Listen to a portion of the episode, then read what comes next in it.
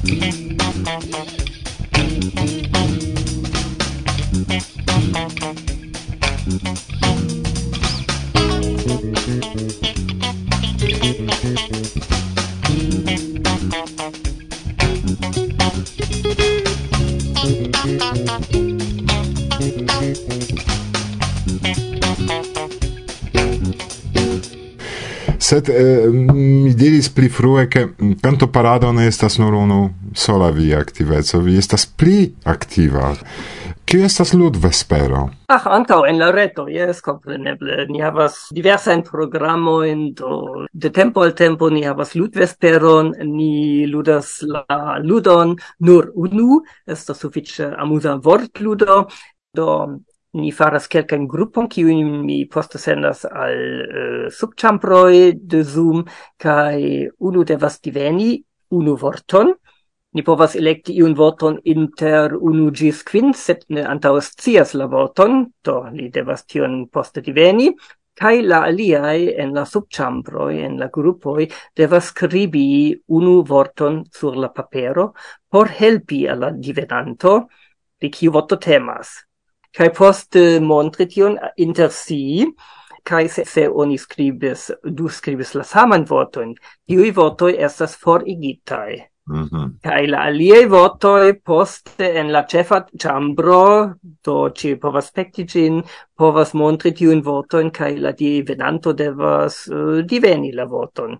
Fakte. Kai se li malgiuste divenas au diras iun voton, tiam ancao estas invititae la homoi de la aliae gruppoi por ancao eble diveni la voton. Tion ludo ne tiom da homoi partoprenas, tamen estas en tute dec gis ancao eble tridec. Do se estas tridec homoi li, li havas eble quin au ses gruppoin. Mm. De tio dauras iom pli longe, do set sesas malpli da homoj ĉiu povas almenaŭ unufoje veni ankaŭ vortojn Kaj ni ankaŭ havas kelkajn aliajn aferojn, kelkfoje ni kune legas artikolon el monato eble kaj diskutas oh. pri ĝi aŭ parolas pri ĝi. Paola, aŭskultu, ke ne nur ni, ne nur ni. Yes. Kaj krome do uh, unu fojon, unu ĝis du fojon ni ankaŭ ne havas retajn eventojn, sed ankaŭ sur lokajn. No jest ĝardena festo de la kaptista bando. ankaŭ ĝardenan feston, antaŭ kristnaskan feston kaj ankaŭ nian ratan rendevuon do. Pasintjare ni eĉ invitis al la rata rendevuo du muzikistojn por nia jubileo, tridekvinjara jubileo, kai ce estes kashi kai yomo kai ili la tutan vesperon pune ludis estes sur la scenejo kai tiu el ili accompanis la alian per sia instrumento kai li kune cantes kai estes ega amusa vespero en la kulturcentro kie ni okazigis cin, ca esus uh, publica concerto. Venis ancau ec quelcae ne esperantistoi, ca ili nen ludis nur en esperanto, sed en diversae lingvoi, ca esus ah. ega, ega bona eg, etoso, ca ciui ecte la unua canto dances anto la sceneo. Ciu estis rata reta rencontigio, au rata, eh, eh, rata viva rencontigio? rata viva rencontigio, dor estes, yes. Kai vespero de la poemoi. Kion vi povas? Ah, yes, yes, yes, mi presca forgesis pri tio. Tamen Do mi ancora deva scrivi kai plani la programon do pasintan mekredon dum mia kunveno en la Sumpfblume en tiu eh, la nomo de la kulturcentro Marcia Floro en Esperanto. I ankaŭ planes kion ni faru dum la venontaj kunvenoj kai tre shatata ankaŭ estas la vespero de poemoj do eh, mi invitas al tio ke homoj povas sendi al mi poemojn aŭ prezenti poemojn estus bona se ili iam sendas la poemoin antaŭe al mi, char mi povas eh, uh, ancau dividi mian ekranon por che ciu povas legi la poemoin kai uh, eh, la homo kiu prezentas cin povas ankaŭ voĉlegi ĝin kai mhm. i povas post paroli pri gi iomete do lau place, kion chatas la homoi, kai estes ege belai poemoi, kiuin ni jam auscultis. Do auscultas nin homoi men la tuta mondo, kai auscultantoi, auscultu nun, Unu homo, kiu loĝas en Germanio, vivas en Germanio, iniciatis tiom multe da aferoj por allogi esperantistojn al eh, kuna gustumado de Esperanto, mi diru, kaj dauras vivo Esperanta ne nur en la reto, sed ankaŭ en la ĝardena festo foj foje mi pensas. Kial ne vi? Kial ne vi en la mondo faru ankaŭ similajn iniciatojn en Brazilo, Kostariko, Japanio, Cinio, Australio, en ciui aliaj partoi Argentino? Ankaŭ vi rajtas iniciati ion ne nur observi kaj plendi, che kun Esperanto ne estas ciel bone, char la angla venkas, sed tamen vi povas ion iniciati kaj vidu tio funkcias. Kaj krome nia kara interparolanto antaŭ mikrofona gvidas kursojn de Esperanto. Do natura demando en kiu cirkonstancoj vi eksciis pri Esperanto kaj kial vi ekinteresiĝis pri la lingvo kial vi? Fakte mi nur hazarde trovis flugfolion en studenta manĝejo, kiam mi dum unu jaro nur studis en Hanovro, kai do mi estis interesita kai places al mi la ideo Esperanto kiel dua lingvo por cio, kai mi partoprenis la informvesperon kai ankaŭ la kurson kiu daŭris eble nur uh, tri ĝis kvar monatoj. Poste mi iom pausis, char mi ne plu studis, tamen captis min la ideo daurigi la studadon, char intereso tamen restis, cae mi aĉetis kelkajn lernolibroin, diversajn lernolibroin, studis ilin mem, cae iam mi patoprenis la mian unuan renkontiĝon en la nuna Esperanto-urbo Herzberg, kiu ne estas tro forte mi, tie mi amicicis kun juna Polo, mi du foje visites lin, li du foje estes ĉe mi. En tiu tempo antau la falo de la Berlina Muro ankoraŭ ca estes iom aventuro por mi ricevi vison coto po, ca visiti lin. Tamen eh, mi riskis tion, li ne parolas la germanan, mi ne la polan, kaj do Esperanto estes nia lingvo, kvankam mi ancora ne flue povis paroli tiam, tamen funkcias, kaj mi spertes, ke tio funkcias, kaj Poste mi iam estes ce IOFO en Italio cae antau en Hungario. Visitis Esperanto-kunvenojn en Hungario. Mi fakte estes la sola el la occidento tiam.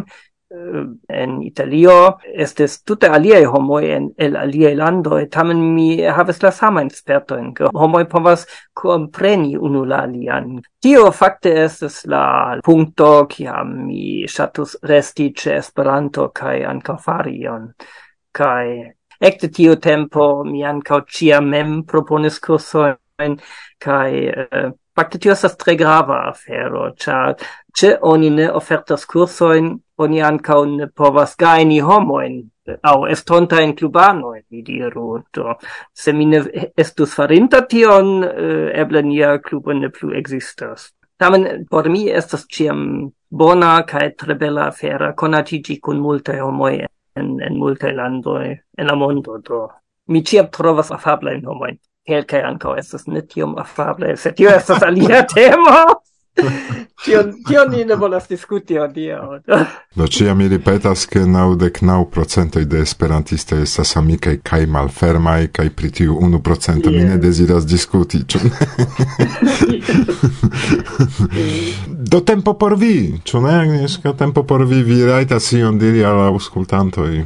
Do, kion vi jam diris, Irek, do estus bone se iu, do en tiu loco, ancau unuopuloi kiui vivas sole en sia urbo kiel esperantistoi, povas fari ion ein, do proponi esperanton, paroli pri esperanto, au nur informi pri esperanto. Estas tutte van se oni volas persvadi homoin kiui ne interesigas, do tio eble ne estas, havas ne bonan efikon, sed homoi kiui interesigas, mankas, ilin devas directi alla giusta voio, do fari curson au diri al ili kie, ili povas lerni Esperanton, kaj poste eble se oni estas nutriop au quinop, oni povas jam fondi klubon au fari regulain renkonticioin kaj convenoin, au se vi havas iun ideon, vi anca povas fari tion uh, en la reto, do invitu al retai convenoi. Es tre bone ke la Germana Esperanto Asocio ankaŭ proponas rumĉambron kiun alie lokaj kluboj povas uzi. Do ili per tio havas la eblecon ankaŭ mm. renkontiĝi, jes, in la reto. Do koran dankon pro tiu mikrofona renkontiĝo de parto de la redakcio, kiun reprezentas Agnieszka Rudzia kaj mi Irek kaj antaŭ mikrofono de Varsovia Vento estis Heinz El Hameleno de la Radkaptista Bando. Gisla bla bla bla. Gisla. Dankon.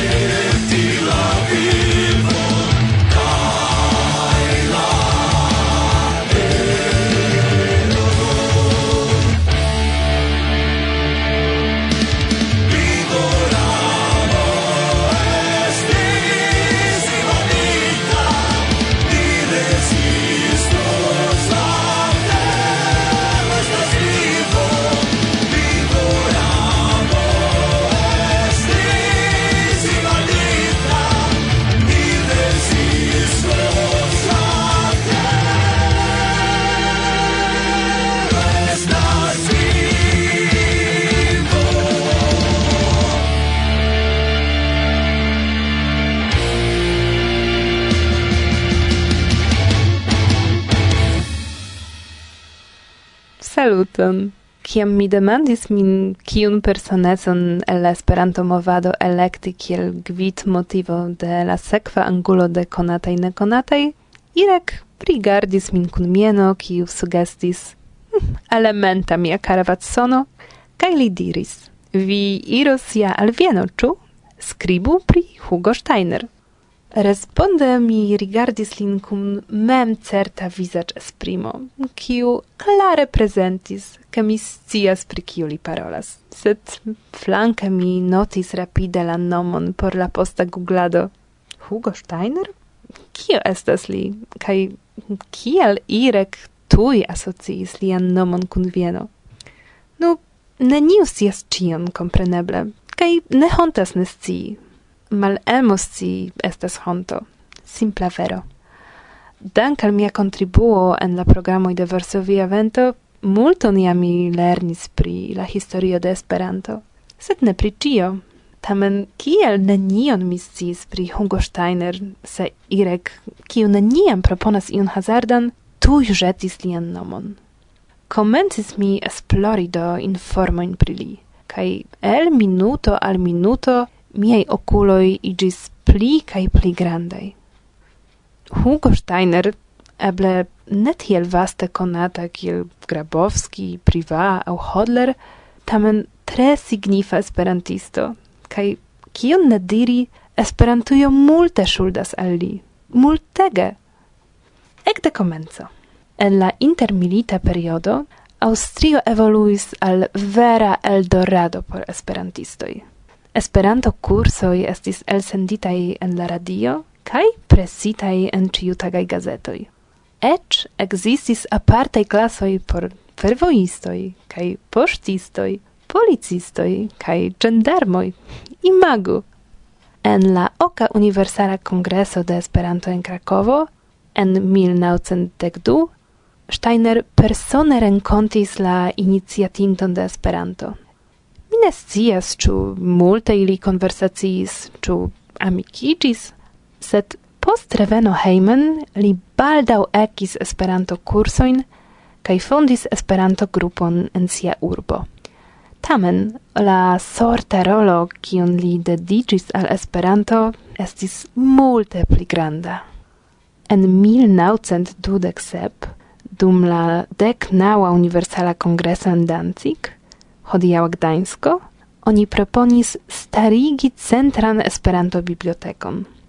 Steiner tuj kaptis la sugeston, kaj ne laste pro siaj bonaj kontaktoj al influaj personecoj akiris regionon por tiu projekto.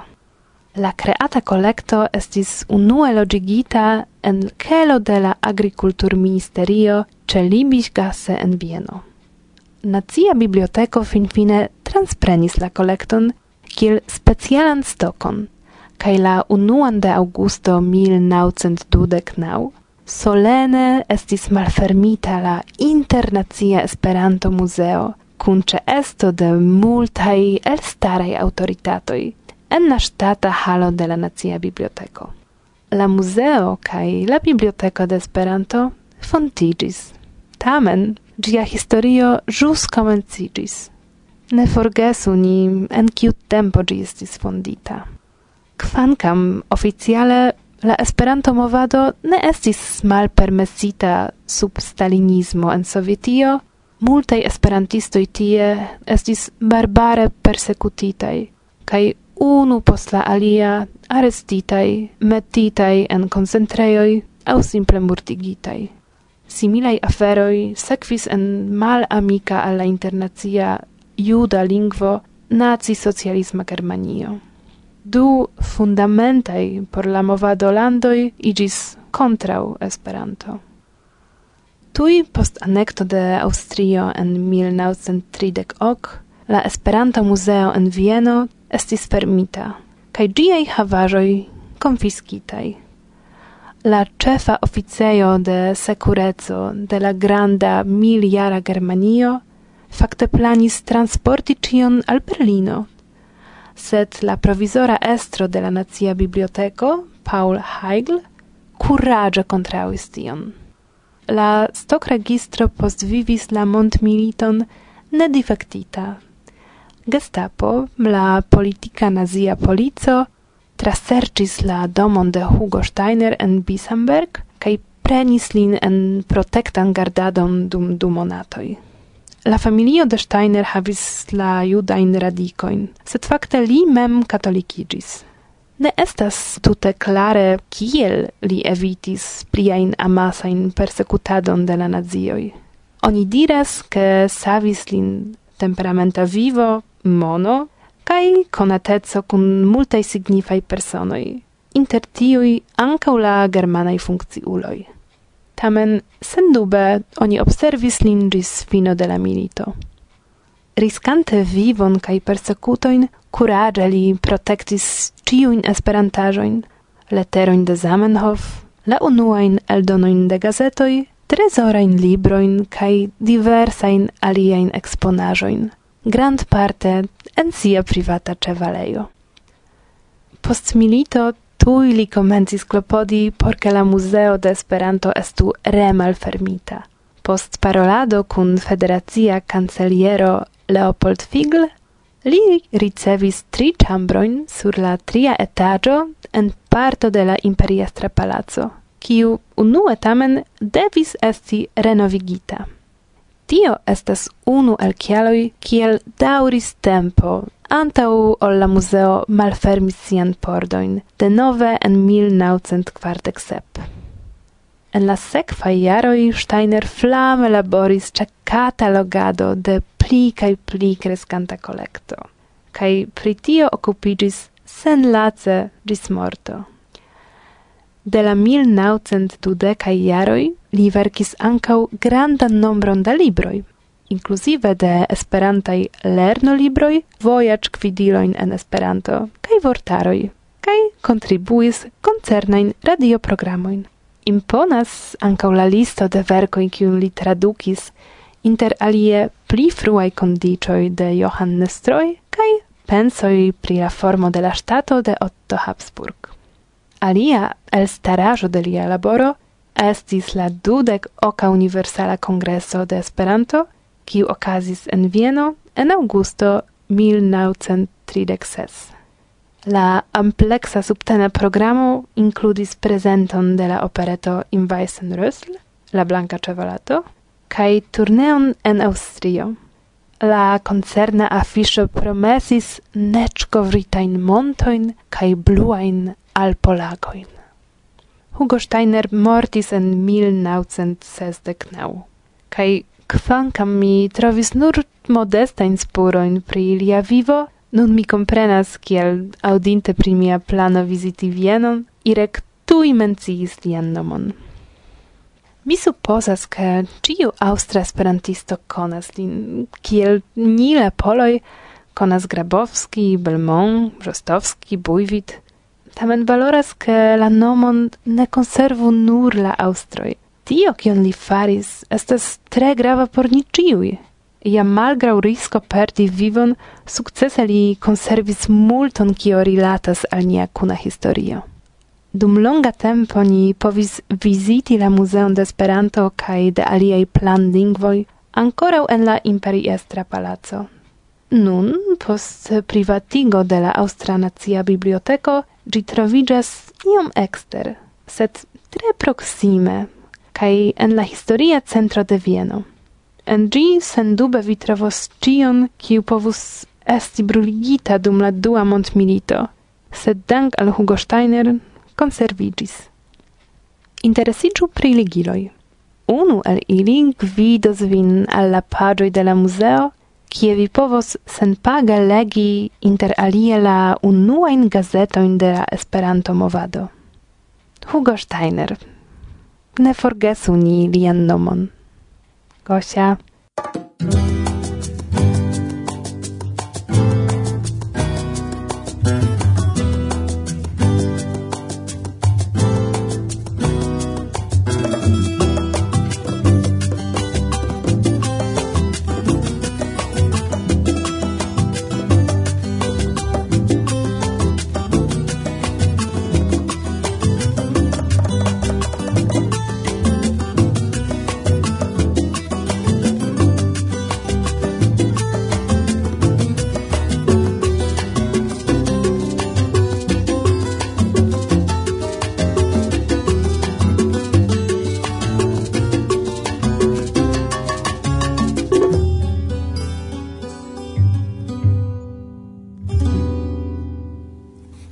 amicoi kiu auscultas Varsovian venton.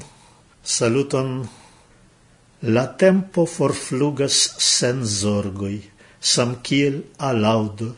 Amaras constati nur morgau, che estis la vivo sencela, sed ec pli doloras la bato, cascita cun saga premis en la plei bedaurinda constato. Ni havis la celon sed misan.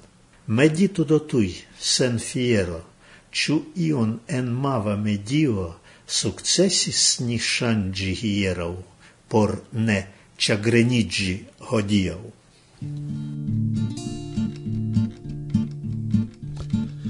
La antaulasta train ce mia cae aperis En vagonigiu mi. Renconten al versain Antau sendorma noct Al voce ec vesperis Por antau lasta voi. En antau lasta train antau sendorma noct alvoce ec vesperis por antau lasta voi en antau lasta train. Crepusco del cupè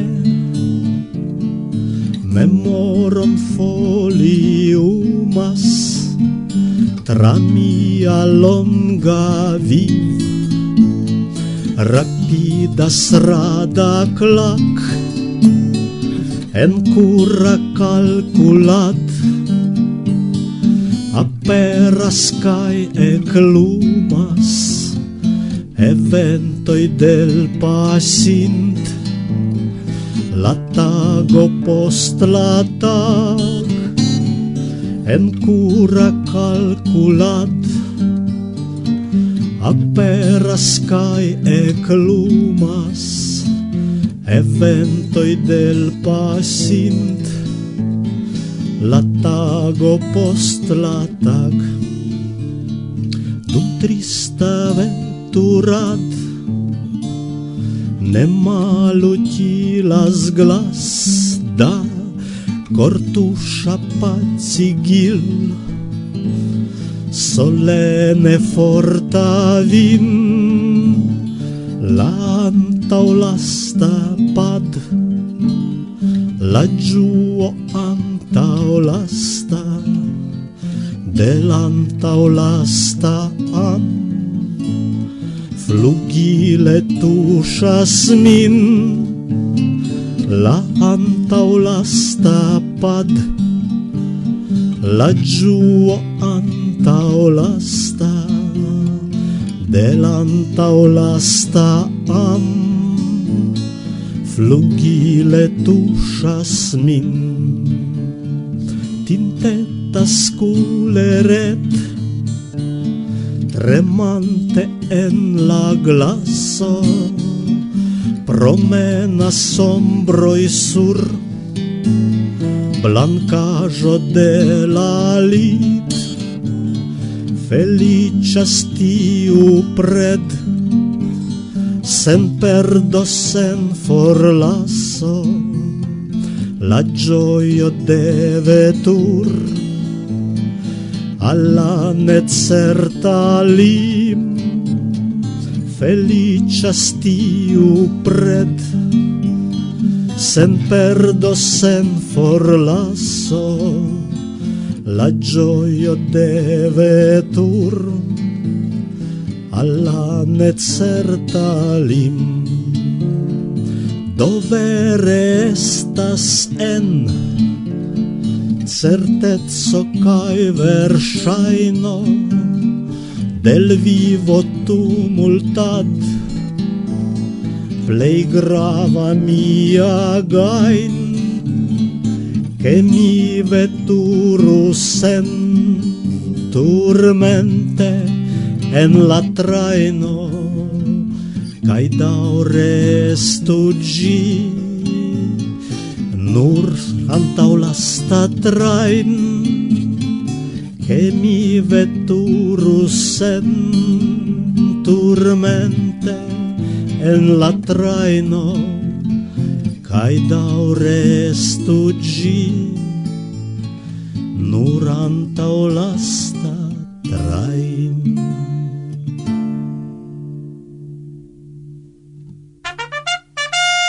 Reclamo.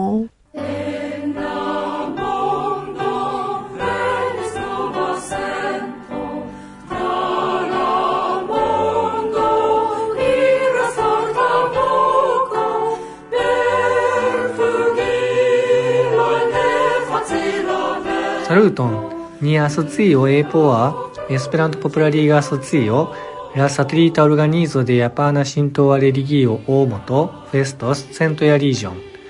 にオカジーゴスラセントヤラメモルエベントンデラフォンディージョでエポアデラデククビーナジスラデクオーカでセプテンブロエンカメオカグベルニーオキヨートヤパニーオ。インフォルモヤペラスエンフェイスブーカパージョでエポアニアテンダスビン。